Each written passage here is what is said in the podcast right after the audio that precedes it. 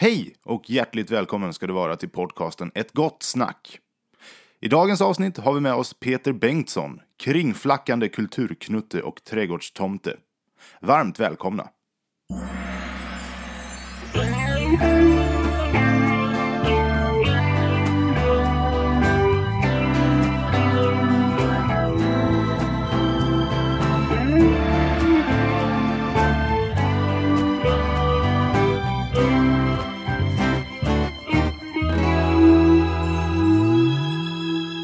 Nej, men berätta Peter, var är vi någonstans? Ja, men nu är vi på Dramalogen i Halmstad och Dramalogen är en slags eh, smältdegel eh, för kreativt skapande kan man säga. Eh, alltså Maggan Ek, som för övrigt är min fru, och jag lite grann, hade en slags idé om att om man bor i Halmstad som är en lite för liten stad för att vara en stor stad så eh, har man svårt att ha någonstans att ta vägen när man har, eh, när man liksom har pluggat färdigt och vill vara en skapande människa. Det, det fanns liksom ingen, eh, eh, det finns inga institutioner att jobba på om man inte är en kulturbyråkrat. Och det är svårt att vara en utövande människa liksom alldeles själv på något sätt.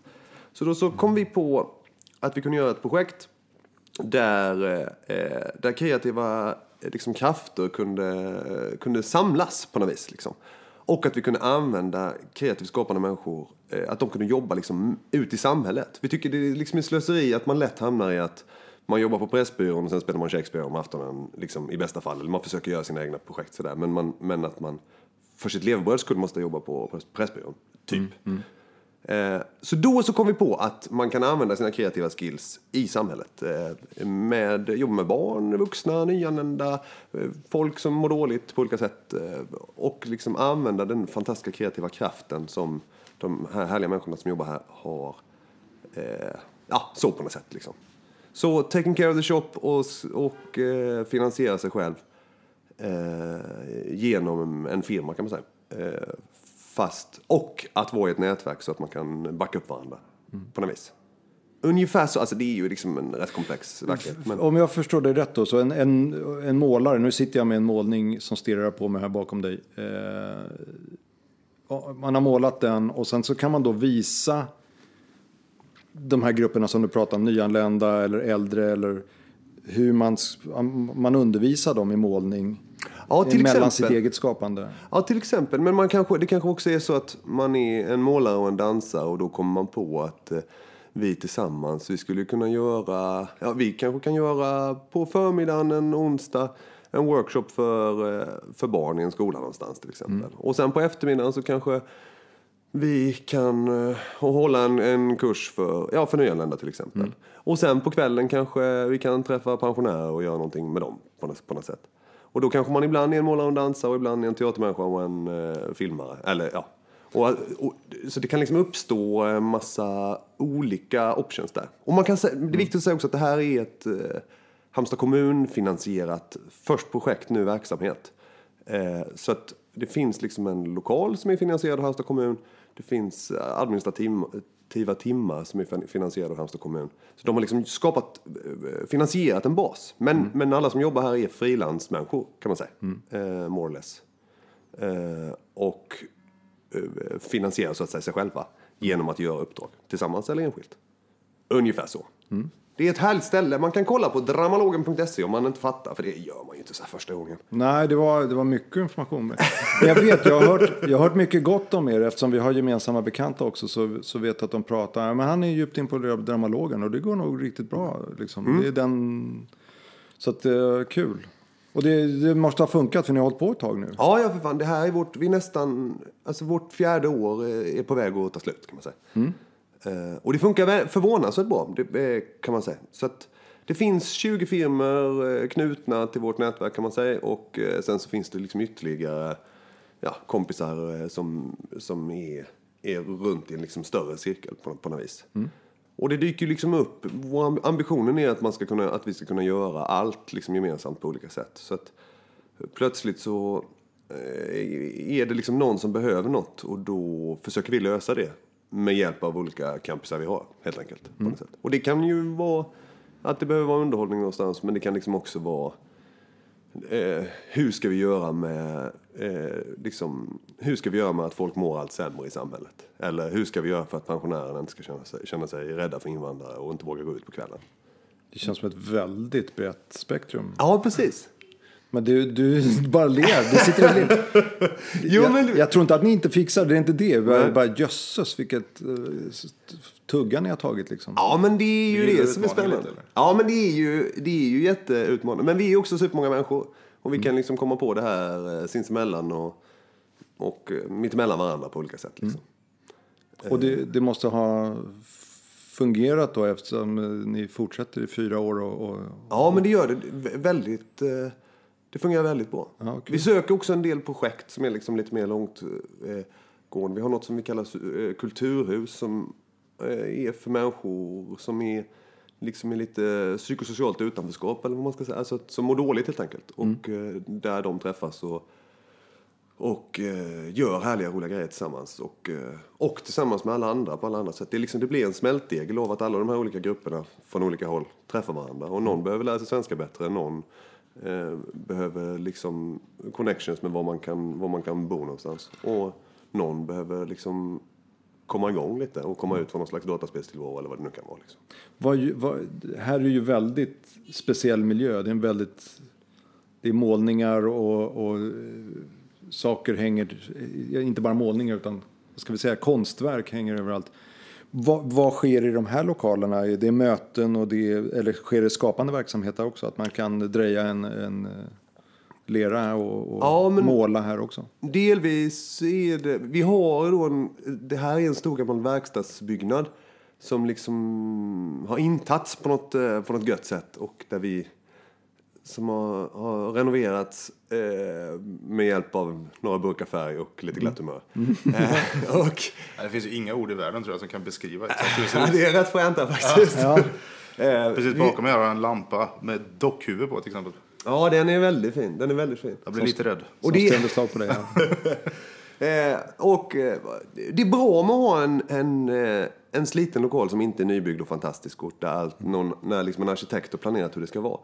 Det är att när någon plötsligt kommer på att den här gamla duschen kan bli en ateljé eller, eller det här gamla omklädningsrummet kan vara en utställningslokal. Så är det ju liksom bara att göra det och då förstör man liksom inte något som har varit på något annat sätt. Ja, Så vår ambitionen här har liksom varit att skapa ett, ett hus eller en plats som är liksom bubblande och sjudande eh, och, och intuitiv på något sätt. Liksom. Men bjuder man in utomstående också? Har ni Ja, gallerier här och föreställningar? Och... Ja, men absolut. Eh, och eh, jo, men det, det har vi verkligen. Både liksom undervisning och uppvisning på olika sätt och gästspel och sådär lite hit och dit. Det ska sägas att varken Tom eller jag är ju från Halmstad så att vi har inte direkt kontakt med dig och den här verksamheten. Det är därför vi ställer så många knasiga Ja, men frågor det, det är väl det är ju inte säkert att alla lyssnarna heller har, så det är ju jättebra. Nej, nej precis. Nej, men fantastiskt. Men nu, Halmstad kommun hör jag både och. Vi ska inte prata politik, det kanske är dumt. Men jag hör både och om dem när det Mm. gäller kulturarbete. Men här verkar de ju vara... Ni har god kontakt med... Ja, verkligen. De har, de har, alltså de, det här är ju en supersatsning som, som, eh, som de verkligen har gjort och verkligen gjort eh, bra. Liksom. Och också varit, varit smarta nog och ganska mycket lämna i fred. Alltså, det, när man hamnar i en kommunal byråkrati så kan, man, kan det lätt liksom staplas eh, regelverk på något sätt som gör att det blir eh, att hand, handlingsutrymmet krymper. Men eh, utan att... jag hoppas att det här går fram rätt, men jag vet att både du och Maggan tror jag är väldigt duktiga på att presentera. Har ni en, en idé så har ni marknadsfört den bra också, misstänker jag. Då. Ja men så är det Alltså Maggan är ju en, en, hon är ju liksom en fantastisk idémänniska. Hon har liksom den vackraste hjärnan jag någonsin sett. Och hon är, hon är så himla bra på att se en bild av hur något skulle kunna vara och sen driva det su- superhårt. Så, att, så att det är ju, det hade ju liksom inte funnits till om inte hon hade hittat på det så att säga. Nej, nej, precis. Eh, och och eh, sen, sen genomfört det. Men, men det, det är härligt och vi försöker vara så absolut öppna vi kan. Vi försöker bjuda in brett och det liksom dyker upp massa människor här som, som eh, liksom, en del känner så här, ah, fan det var inte riktigt för mig och en del känner, kan jag få ett hörn eller en ateljé eller en plats eh, på något sätt. Så nu har vi sprängt ramarna rätt mycket. Det här huset är överfullt hela tiden. Så vi har liksom lite svårt att få plats. Ja, det var det jag tänkte. Nu var det visserligen dörren öppen så att säga, rent bildligt talat. Men är den det? Ja, vi- Vem som, alla är välkomna. Och, Ja, men absolut. Det, det är verkligen vår ambition. Liksom. och om vi ska fokusera lite på dig. Nu, nu är det bara jag som ställer frågor. Tom ska också få prata. Men, Nej, lugn, jag går nu. men eh, din egen bakgrund. eh, Jag vet att du också är en kreativ människa. Har, har din egen kreativitet fått stå tillbaka för att du administrerar andras kreativitet? Nej, snarare tvärtom tror jag. Alltså, Okej. jag, jag har någon slags utgångspunkt. Jag är egentligen kanske, kanske någon slags filmare. Ja, filmmänniska. För du eller- gick för filmutbildning Ja, om jag minns precis. rätt. Ja. Eh, och jag... Och då, där, då kanske jag har framförallt varit någon slags klipp och animeringsmänniska på något vis. Liksom. Eh, och, men jag tycker mig ha upptäckt att, att om man är lite orädd så kan man liksom kasta sig in i... Alltså någonting som har med kreativt skap, eller med skapande att göra. Eh, om man, blir man vass på det så blir man också lite vass på liksom en grannverksamhet på något sätt. Kommer man på hur man kan filma en film så kan man också upptäcka lite grann. Man kan ju sätta en teaterföreställning och då kan man liksom lära sig mer om det. Man kan också skaffa sig eh, bilder av hur man borde måla en tavla eller göra en bild i Photoshop eller ja, vad det nu kan vara. Och det där, den, den liksom mångsysslar eh, grejen har verkligen blivit min, eh, är verkligen min grej på något sätt. Liksom. Och det blir ju inte riktigt likadant i alla de här fälten, men, men hur man gör någonting, hur man gör ett projekt eller hur man, hur man eh, liksom vilken typ av arbete som krävs för att någonting ska bli, liksom, sättas igång och slutföras. Det är ju samma sak på något sätt. Liksom. Och det har varit väldigt spännande för mig. eh, Eh, så på ett sätt så fuskar jag i alla fält jag kan, kan man säga. Och det kan jag säga, eftersom vi har känt varandra tidigare, så det är lite irriterande hos dig att du är så jävla duktig i många ämnen. du är snäll. Nej, men jag kommer ihåg, just när det gäller animering och sånt så, så vet jag att du gjorde kreativt skap tillsammans med dansare har du gjort och filmat. Så att man ser en film samtidigt som det dansas live också. Och såna, det är mycket läckra, häftiga grejer som du har gjort. Ja, men och det har ju varit superkul. För det är väl verkligen korsbefruktning som, Ja, som just det det, här det. pratas om. Ja. Hur stort är ditt visitkort? Vad skriver du liksom? Peter Nej, men jag skriver kanske kringflackande kulturknutte. Liksom. Det är kanske det jag gör. Det angränsar lite på det som jag skulle vilja... Jag jag har lite så här snabbfrågor bara. Mm, Eh, ett sta- standardformulär. Eh, vi har inte testat det här innan, men det går att klippa bort. Kör bara, ja, namn, Peter Bengtsson, ålder, 34. födelseort, Halmstad. ja, yrke. Olika. Frilans. Eh, eh, kringflackande kulturknutte. Favoritskor, Eh, det är Duckfeet. vad är det? Ja, det är liksom skitsnygga danska skor som ser ut som en ankfot. Kalle Anka-dojor. Ja, skitbra. Cool. Vad har du för bil? Eh, olika. Eh, bland annat en Sveriges enda blommiga Porsche. Var den blommig sist jag såg den? Ah, jag har, den har eventuellt målats sedan dess. Nej, okej. Jag satte den i ett dike så vi fick måla om den lite. Det Oj. Det är liksom en 240 i in disguise. En lång historia. Det kan vi prata om en annan gång. Okej, aj då. Äter du helst? Eh, god mat. Eh, alltså allra helst nå- liksom asiatisk ponsusåskäk. Fast jag är också rätt hungrig så jag gillar ju mycket god mat. Carpaccio kanske? Ah, det, man vet inte. Olika. Buffé säger vi den. ja, det gör vi. Ostron är egentligen det godaste. Det vet vi ju alla. Ostron är egentligen det godaste. Jag har aldrig ätit det. Jag vet Det, inte. det är underbart. Men man behöver en introduktion. Någon måste, någon måste guida en i st- första gången. Någon sa att det smakar som en glorifierad kallsup. Det gör det, det är det. Det är exakt det det är. Okej. Det är liksom ett koncentrat av havet, det vackraste som finns. Wow. Okej, jag tror det. Inte jag. Okej, dricker helst då? Eh, rödvin. Sött eller salt? Eh, oklart. Sött va? Öl, vin eller vatten? Vin. Favoritsyssla i hela världen? Att ha kul. Det var bra. Det var mycket bra. Lyssnar helst på? Eh, ja, men mustig musik som... Liksom glad så att man blir på lite... Alltså, det är gött när det svänger. Och sista, favoritfilm?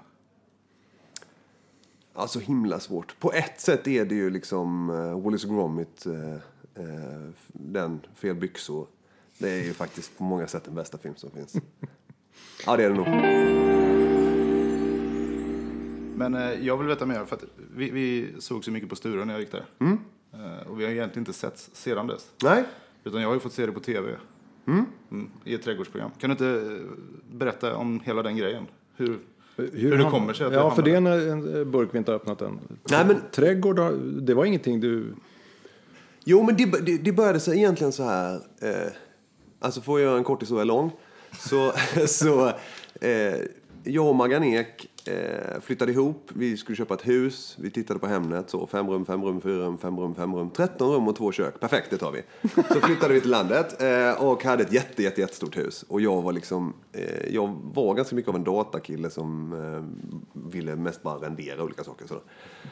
Och så insåg jag liksom när vi flyttade dit att fan man kanske måste lära sig, har man ett 150 år gammalt hus kanske man måste lära sig skrapa fönster och liksom laga tak och sådär. Och det där liksom expanderade till att vårt hus blev ett slags allkonstverk. Att vi, vi, vi målade 13 rum, sen upptäckte vi att fan det är så mycket snyggare under så då skavde vi ner tapeterna i 13 rum och sen så började vi liksom bygga vår egen vår egen bild av hur det är liksom optimala, fantastiska. Alltså vad, vi gick bara på vad som vi tyckte var snyggt. Liksom. Och det har pågått en slags gigantisk skapelseprocess där sen dess.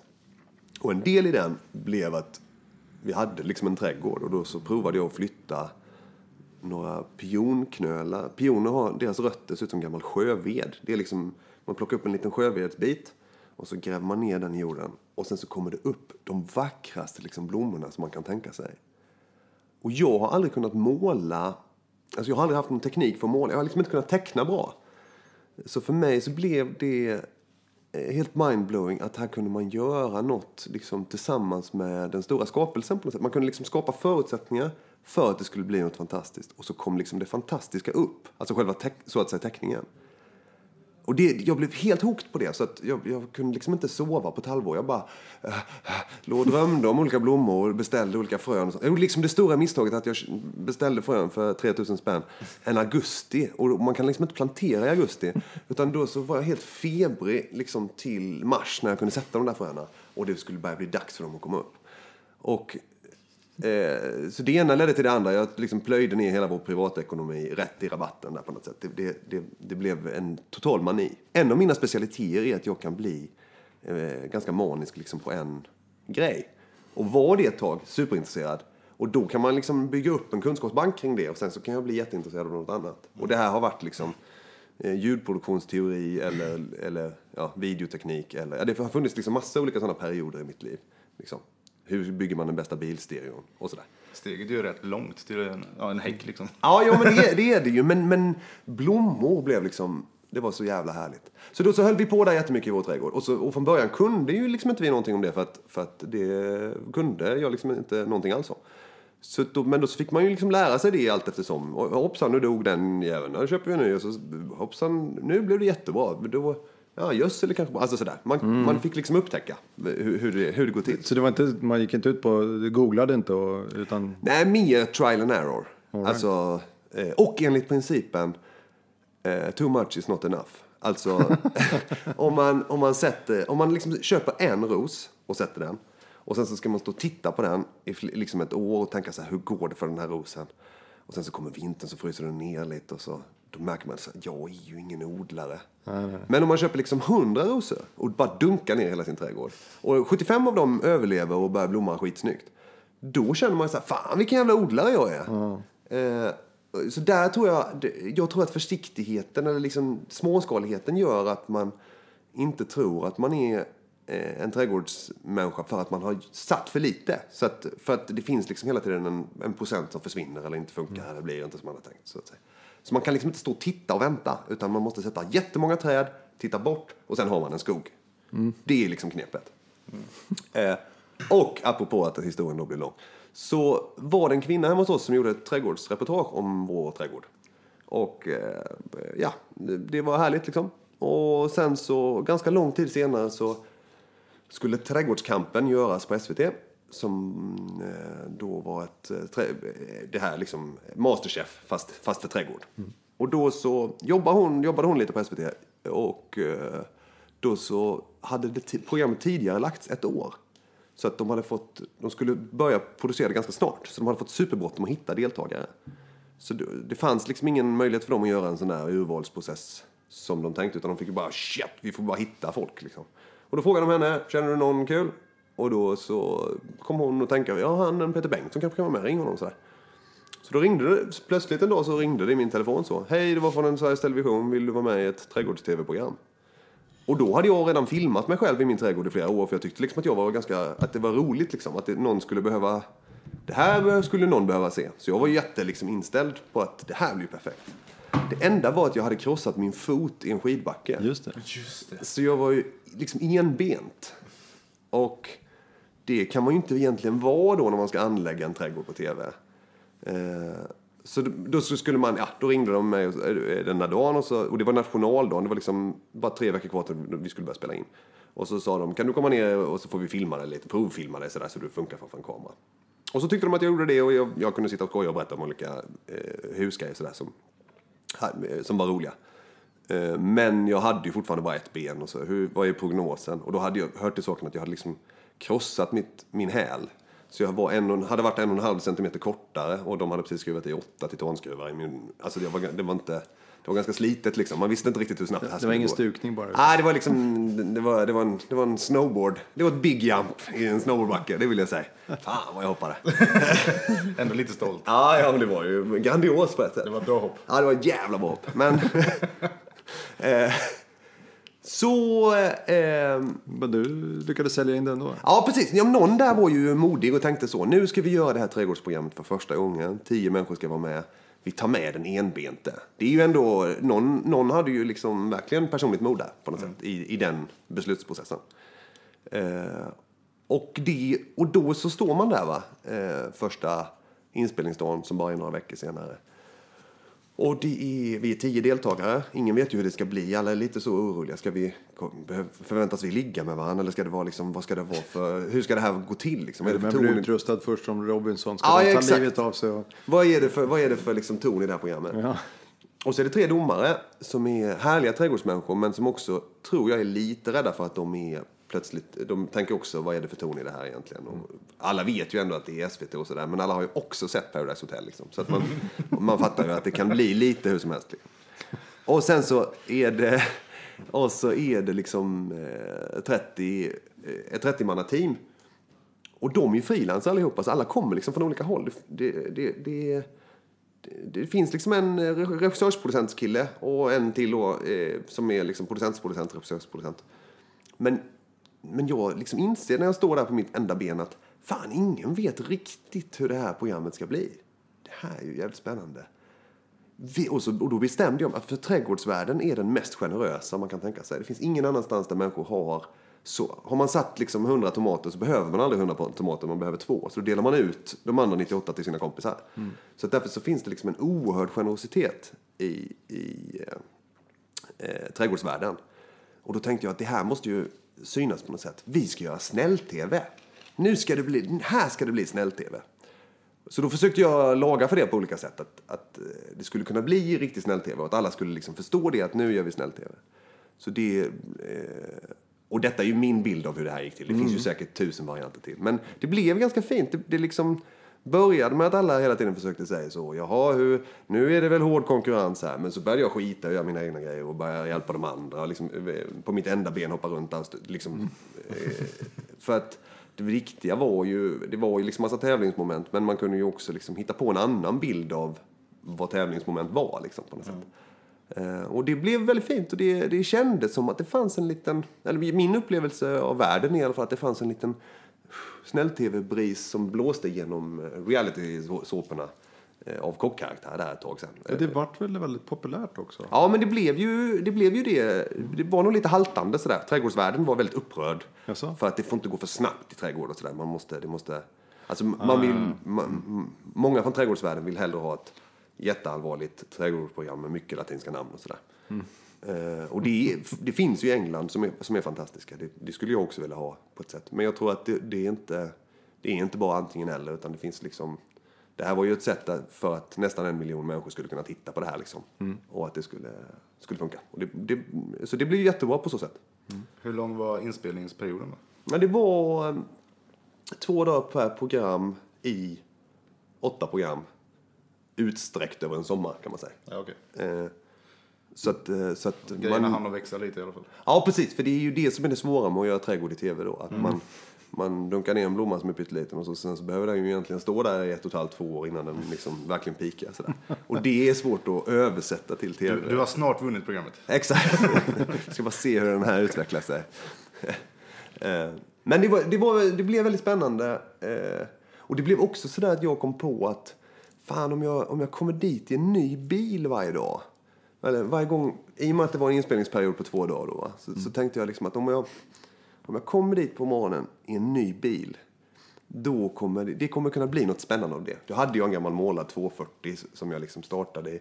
Och sen så lånade jag min kompis bil sådär av en händelse. Sen, men så hade vi också köpt Renault 4 Labans, jag och min kompis. Eh, för att vi ville att Ysby då, min byn där vi bor, skulle bli en fransk by. Att alla skulle köra runt sådana franska bilar. Bara bonjour, bonjour och ha så basker på sig så.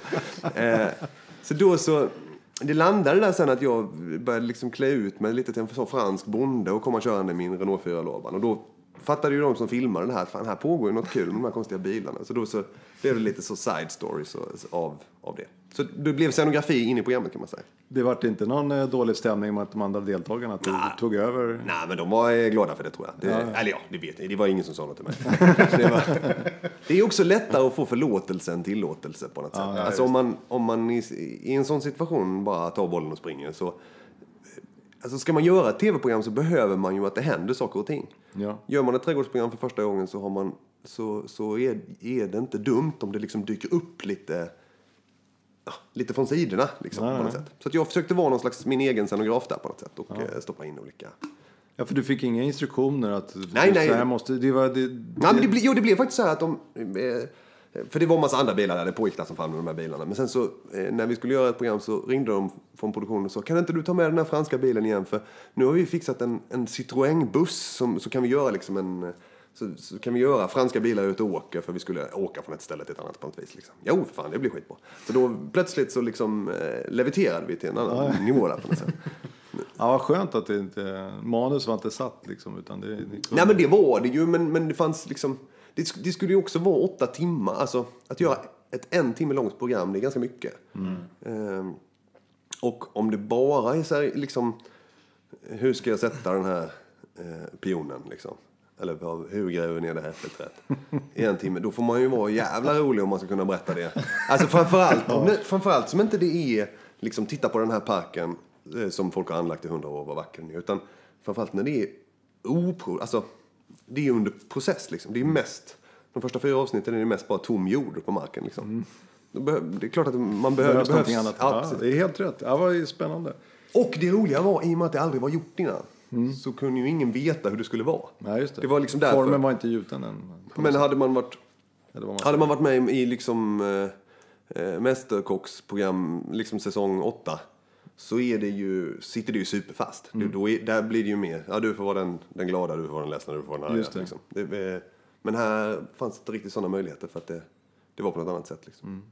Men det var inte röstsystem så att ni blev Nej, färre var- och färre utan ni var kvar allihopa till slutet. Nej, man, man åkte ut men det var mer baserat på någon slags, eh, eh, någon slags utslagstävlings... Alltså man, man, man blev utslagen i någon slags tävling på något sätt. Eh, och det fanns tre domare som, som liksom höll i det på, på något vis. Så att, eh, det, det, det fanns en syndig, tråkig grej i att folk åkte ut för att det, det hade varit jättespännande och fått se alla de där trädgårdarna växa till. Liksom. Det, men... Eh, Ja, det var inte som en uh, fotbollsliga liksom. Ja, att precis, Ni det kunde- ihop poängen och så se vem som vann i slutet. Exakt, så kunde det ju verkligen varit. Liksom. Men så var det, utan det, det blev tre kvar. Vi var tre kvar till slut. Liksom. Och, eh, och i, i någon slags final där på, något- på något sätt. Nej, det, är just det, du var, du var topp tre. Ja, precis, precis. Men hur, hur mycket var liksom tävling och hur mycket var bara underhållning? Alltså hur kändes det på plats? Nej, var det men, folk som verkligen ville liksom, ja, ja, visst, vinna? visst. Jo, men det var ju... Det var ju människor vill ju jättegärna vinna. Men du känns som att du har lite slapp attityd. Ja, men jag ville mest inte bara du ha förlora. kul. Det, jag, jag tycker ju det är kul när det är kul. Och jag, det var inte så, alltså för mig är det inte så där jätteviktigt att vinna. Eh, Men det, var ju väldigt bra att inte komma sist där, för då fick man ju inte vara med mer. Liksom. Så det, det var mer det som var mitt. Jag, det, jag var ju också enbent från början, så att jag, min utgångspunkt var ju, här är det kul om jag får vara kvar en vecka. Mm. Och så liksom pågick det bara vecka efter vecka. Men du blev bättre i benet. Ja, men mot jag blev liksom, jag kom, jag kom, jag var stark på slutet så att säga. Men det fanns de där som verkligen eh, Ja, ja tävlade visst. hårt. Absolut. Och det var, ju, det var ju också rimligt, för att annars blir det ju helt meningslöst. Annars blir det ju inte heller något tv-program så att säga. Nej, hade det varit tio stycken av dig så hade det bara blivit flummigt. Ja, ja precis. Det hade inte gått. Då hade det bara blivit liksom, hade skål, inte- nu dricker vi vin. Så. Då hade inte du varit en udda fågel. Nej, exakt. Nej, för det är ju också det som är, är på något sätt att eh, om, om man ska slå mot något genom att vara, genom att vara ovanlig så är det ju, behöver det ju finnas något att vara tvärtom mot. Nej, det. Om, ja, om det nu var det som var. Det, här, alltså, det finns ju jättemycket att säga om det här och detta är ju verkligen bara en skärva av sanningen. Men, men det, det här är min, en av mina upplevelser, eller min upplevelse på något sätt. Liksom. Men det här skiljer sig lite då misstänker jag jämfört med Melodifestivalen eller Idol eller vad programmen heter där det finns ett artisteri som där de uppträdande lever av det här och att synas. Ja, just det.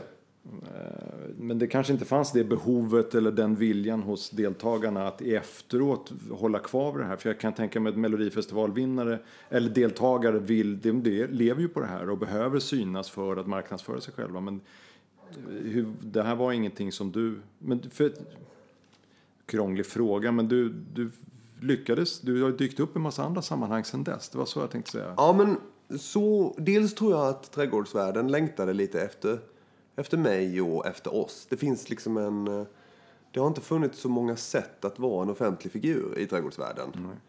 Eh, först så var, kunde man vara det om man eh, gjorde tv-program eller skrev böcker. Sen kunde man också vara det om man eh, bloggade eller vloggade på något sätt. Liksom. Alltså, så det finns, nu, nu, det är, på ett sätt skiljer landskapet sig lite grann åt då från nu. Eh, eh, alltså, och då är alltså fyra år sedan, eller tre, tre, tre och ett halvt år sedan. Men kanske, men om man säger, tänker för tio år sedan så, så eh, då var det liksom trädgårdsjournalister och trädgårdsförfattare bara som, som folk kunde känna till. Men nu finns det massa, massa andra spännande människor som, alltså det, det är mer, mycket mer demokratiskt på ett sätt för att eh, man måste inte ha gett ut en bok utan folk kan känna till en för en för att man är en grym chiliodlare eller grym, liksom, håller på med något superspännande. Sådär. Det finns liksom, Facebook är ett, ett fantastiskt ställe för det där på något sätt. Liksom.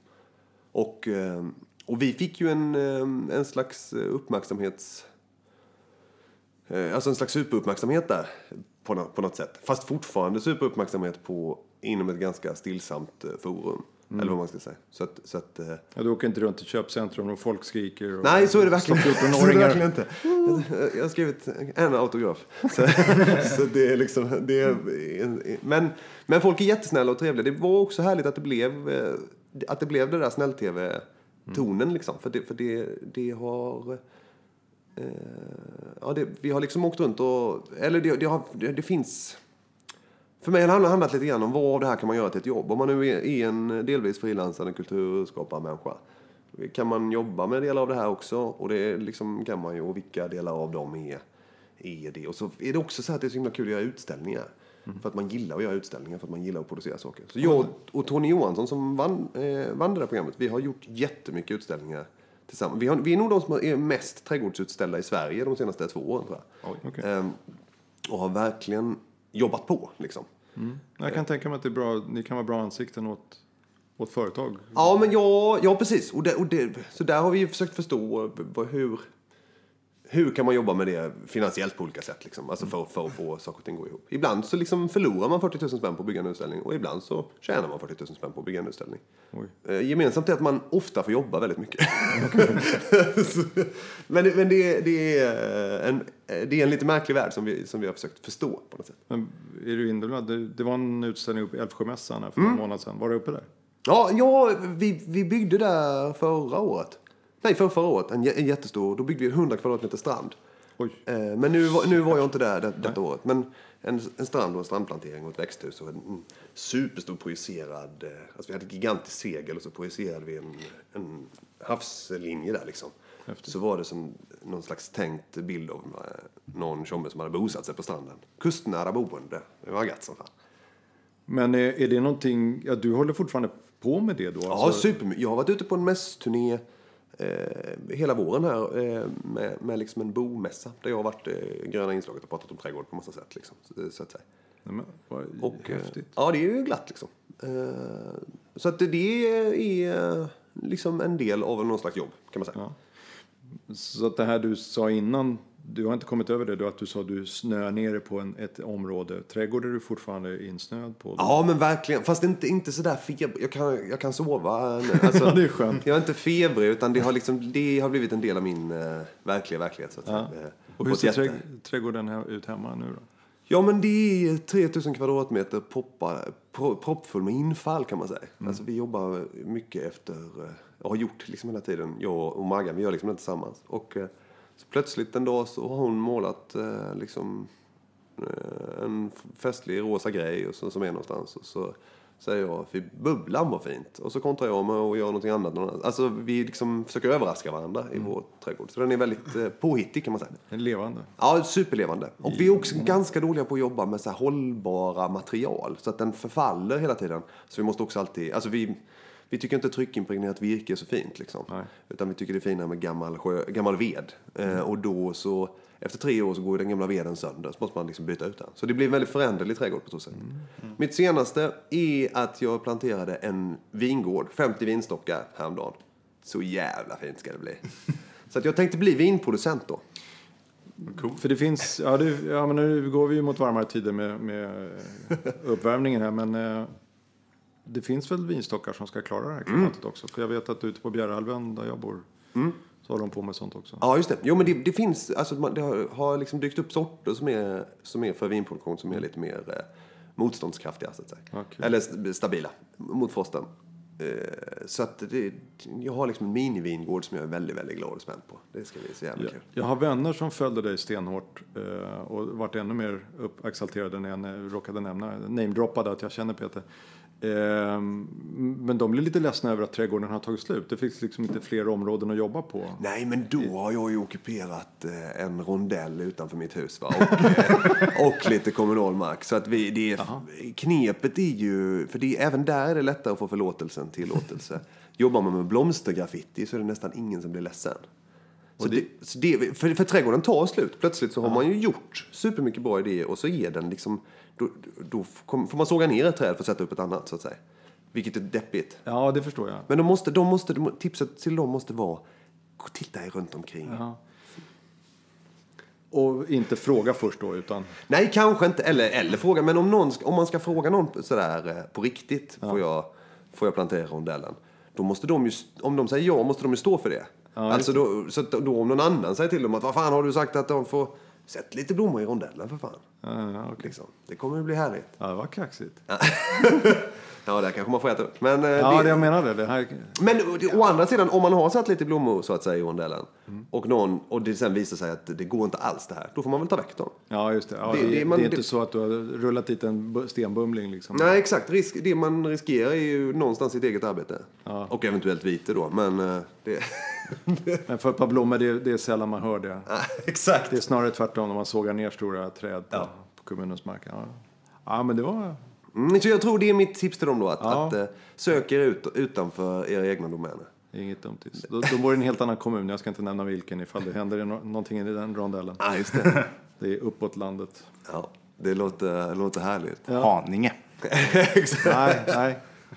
Men det är också, det, det kan, man kan ju också säga kanske att det är ju en fördel med att bo, på- bo på landet. Att eh, om man plötsligt liksom köper 40 äppelträd och sätter på någon annans mark. eh, så i- det är kanske inte helt lika möjligt eh, i, beroende på hur tätt man bor så att säga. Nej, just det. det, Det märks- markprisen, priserna är lite olika. Så Det märks snabbt om man sätter på grannens balkong på Södermalm. ja, ex, exakt, exakt. Där man ett vet liksom, äppelträd på en balkong lär märkas. Ja, Ja, och kvadratmeterpriset är 100 000 så det, det, Japp. det är liksom ett jävla dyrt äppelträd. det är så nu. Ja.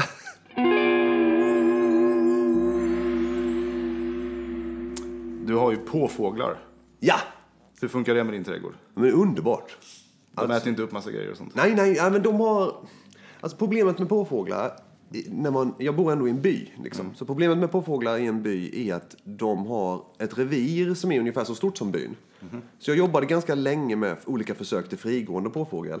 Men det ledde mest till att den gick in i olika grannars garage och sånt. Och då blir folk blir nervösa när de har liksom en en och en halv meter lång fågel när de ska köra in sin bil plötsligt. Alltså det, det blir... eh, Det är också lite som en eh, fasan på eh, liksom... eh, Alltså en uppumpad fasan. Den är lite rädd sådär liksom. Så att det, det, var, det fanns en olämplighet i det. Och jag har också drivit rätt länge att vi ska vara byn med påfåglar. Alltså det ska finnas en trafikskylt med en påfågel på när man kör in i byn. En fransk by med påfåglar. Okej, Exakt. check, check. Exakt. Och så fågelholkar stora som utedass som står på olika, på olika liksom, ställen runt om i byn. Och att man har 35-40 påfåglar som liksom sitter i träden och så. Men det har inte riktigt... Det finns problem med dem. De gillar blanka grejer så de gillar att kliva på nyputsade bilar och sånt. Så det finns lite sådana problem när de är fria och om, om de är många då. Okej, men- eh, så att jag har dem inne i ett, en voliär, alltså en jättestor fågelbur. Ja, ja. Eh, och där, där går det jätte... Det är ju superlätt. Liksom. ja. Eh, Jag har två följdfrågor på det då. Mm. Ett, hur får man idén? Man vaknar en morgon och tänker, jag undrar om inte det här är dagen när jag ska köpa en påfågel. Sen går man in på Blocket så upptäcker man att fan det finns en i Hässleholm. Två och en halv timme senare så har man en påfågel. Okej, och, då, och då fick den bo hos hönsen lite så länge innan man hade byggt den här voliärhistorien. Liksom. Ja, det var följdfrågan var man köper. Så det är Blocket alltså? Blocket fin- finns ju allting på. Ja. ja, nu vet ni det. Nu köper man påfåglar på Blocket. Ja, alltså. ja, Och hur, ja det kanske man inte ska gå in på, men frestar ni på resten av byn så att säga? Finns det folk som undrar vad är det här för gäng som ja, men vars kanske... trädgård ser ut som de gör, de planterar i, i rondellerna och deras jämrans knäppa fåglar går överallt? Ja, men det, det är nog... Eh, alltså, vi, vi flyttade dit för 11 år sedan eller något. Och när vi, när vi kom till vår by så var den nog inte... Alltså då tänkte inte de yes, kulturarbetare allihopa. Men det är en väldigt öppen och härlig by. Men det tog liksom en liten stund innan eh, vi lärde känna varandra liksom. Eh, men nu känner vi ju eh, alla jätteväl i den här byn. Och eh, det finns en superhärlig byighet liksom. Så, så ska man göra det här så ska man, man får ju ändå göra, den här typen av gerillaverksamhet får ju göras med lite fingertoppskänsla. Känner man så här, fan jag har fyra grannar som hatar mig. Det är inte då kanske som man liksom börjar jobba med blomstergraffiti som ett facktecken. utan, eh, utan man får ju liksom, man behöver ju göra det på den glada sidan så att säga. Och eh, utan att smeka dig allt för mycket medhårs så kan jag säga att även om du och jag, eller jag har en väldigt annorlunda uppfattning om många saker kan jag tänka mig än vad du har. Jag tycker du utför saker som jag inte själv skulle göra så är det svårt att inte tycka om dig.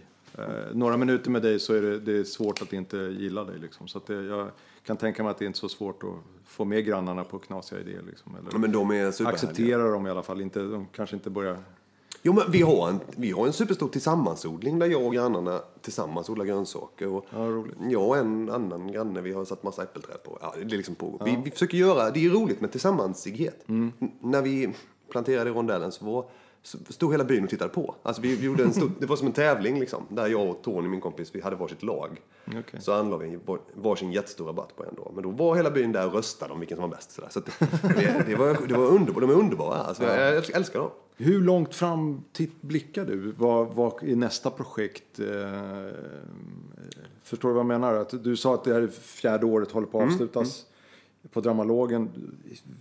Ser du någonting annat? Eh, Eller ska det här fortsätta? Hur långt vet ni? Att, ja, förstår du vad jag menar? Ja, men för, för Dramalogens del liksom som organisation så vet man att vi har, eh, vi har liksom klubbad finansiering två år till. Eh, som man vet. Och sen så blir det liksom en fråga om hur kan vi, hur kan vi skaffa oss mer. Det är det som är skillnaden mellan våra projekt och verksamhet. Att när man är projekt så söker man nya pengar varje år. Och då, så då finns det alltid en, o, liksom en konstant oro för att bli nedlagd på ett sätt. Eh, vilket är lite bekymmersamt.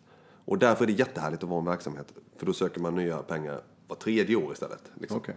Eh, och, eh, ja, och det är centralt och bra. Liksom. Eller det, det, ja, det ger en slags arbetsro. Som är, då kan man jobba med längre linjer, vilket är skitbra för oss.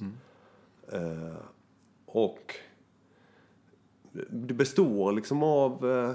Det, livet är ju som ett, någon slags eh, manus, en tv-serie på ett sätt, tänker jag. Att, att det finns liksom några långa bollar som går, liksom några långa, spännande, liksom, långt spända bågar. Och sen så finns det liksom mittemellan bågar som räcker några avsnitt och så finns det liksom avsnittets handling på något sätt. Liksom. Och så... Så är det väl kanske med planerna också. Jag är, inte så, jag är ganska snubblig. Det, alltså en av mina specialiteter är att ramla framåt.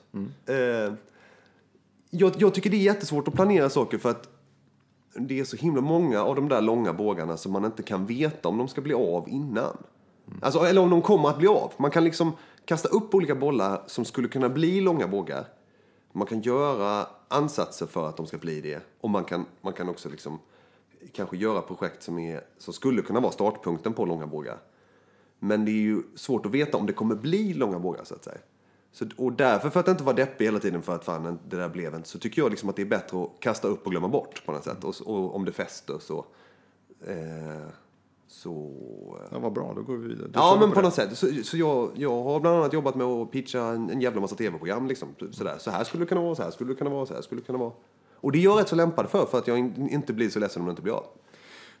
Hur skulle du trivas på en tillsvidareanställning på ett kontor? Liksom? Att, Nej, men jag har ju haft, jag har haft en tillsvidareanställning på Sturegymnasiet där vi eh, ju har varit kollegor. Eh, och där trivdes jag jättebra, men det var ju också ett mycket fritt jobb. Liksom. Eh, ja, det är sant. Ja, Det var det jag inrutade. Jag tänkte, skulle man kunna spärra in dig på ett kontor? Liksom? jo, men det skulle man ju säkert. Men, jag, men det får ju vara bara jävla roligt om det ska kännas, eh, kännas svängigt. Just nu är det liksom inte, jag är inte i fas med det så att säga. Eh, och jag tycker att jag tycker att det finns lite för många rutor här i världen. Alltså jag vet inte om, folk, om man levererar som bäst i de där rutorna. Eh, men jag fattar ju, det är klart att de måste finnas på massa sätt liksom. Men, men jag hade ju... Eh, jag tycker det är härligt att försöka jobba efter ju friare desto bättre. Så att säga. Alltså ju... ju, ju att det finns plats för impulsivitet så att säga. Ja, och det är ju fantastiskt att Halmstad kommun har insett att det här är en bra verksamhet som tillåter dig och er ska jag säga, att, att göra det. Det gläder mig stort. Jag trodde att det här var betydligt mindre projekt när jag först hörde talas om det. Mm, jo, men det är, svårigheten att, att sprida det är att det liksom tar en halvtimme att förklara det innan. Vi har liksom inte hittat de där tre bra. vi har ingen bra tagline Nej. som liksom sammanfattar så att alla säger aha. Men, men det är, det är en superbra grej. Vi håller på att skriva en bok om det för, för vi tänker att det kanske kan vara ett sätt så att man kan liksom få den i handen, bläddra lite i den och då få någon slags förståelse för vad det är. Men, så, Vem, vem är målgruppen? Andra kommuner också Ja, kanske? men andra kommun, alltså möjliggörare och eventuellt eh, görare, så att säga. Alltså, det, är- för att man, det finns ju mycket ur de här verksamheterna som man skulle så att säga kunna sampla och göra lite på liknande sätt. Alltså, det är ju liksom inte rocket science, utan det, det... Problemet som många gör tror jag är att man bygger superdyra hus. Och så tänker man liksom att när det där huset är klart, Då, då löser sig allt. Ja, precis. Då anställer vi liksom en fritidsledare och en som är i kaféet och en... Ja, välkomna hit allihopa! Och det är inte riktigt det som är verksamhet. Liksom. Utan det som, man det som vi tänker att man behöver det är liksom sköna människor med liksom lite frirum som kan dra till sig andra sköna människor med frirum på något sätt. Och där tror, jag, där tror jag att man lätt... För att när man ska bestämma om något, alltså från, ett politi, från en politisk nivå eller en tjänstemannanivå, så, så är det ju mycket lättare att bestämma 100 miljoner till att bygga ett hus. Och, och så kommer det någon teknikkille, som jag själv till exempel, och säger Fan ska vi bygga, då behöver vi fan 15 miljoner i teknik vet du. Det ska vara liksom vara stor P och det ska vara jävla ljusrik, det ska vara sådär. Och det kan man ju ha eh, i en stad, liksom. det är ju jättebra. Men, men eh, för att göra saker och ting så behöver man ju liksom en gammal lopp i soffan och en schysst laptop. Alltså det, det är ju, världen är ju lite på ett annat sätt. De, på ett sätt är de stora husens tid lite förbi, tänker jag. Eller i alla fall, i alla fall eh, på det där dyrdyra sättet. Men det här har inte eh, ambitionen eller risken att bli ett ungdomshus där folk hänger efter skolan och så. Det, det är det inte. Ja, men lite. Vi, har, vi jobbar med lite förberedande eh, afghanska klasser som, som har musikundervisning här, eller liksom eh, estetisk undervisning. Och där är några som har upptäckt att man kan dricka gratis kaffe här när som helst. Det kommer, De kommer väldigt ofta hit.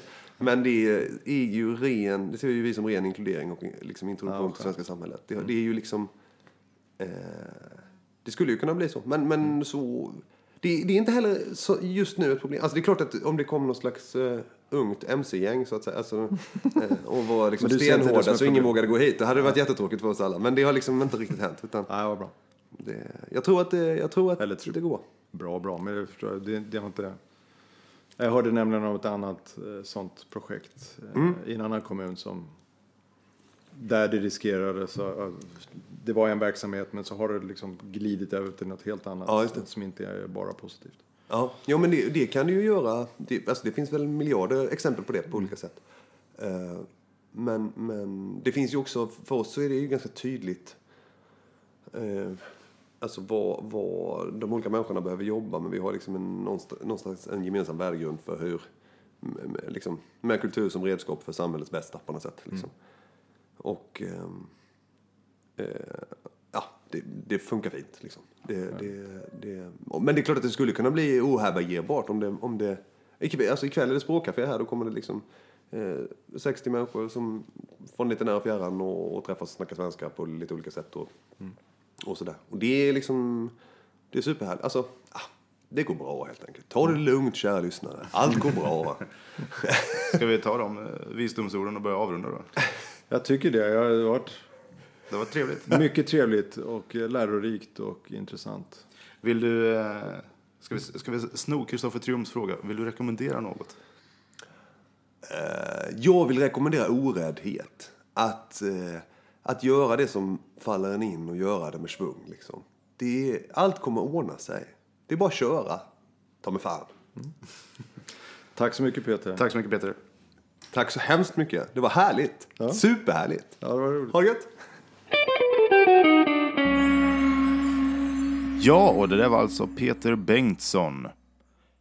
Tyckte ni att det här var ett trevligt avsnitt så kan ni ju klicka på prenumerera. Annars finns vi på Facebook och Instagram där vi heter Ett Gott Snack.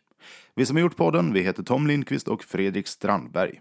Tack så jättemycket för att ni har lyssnat. Puss och kram.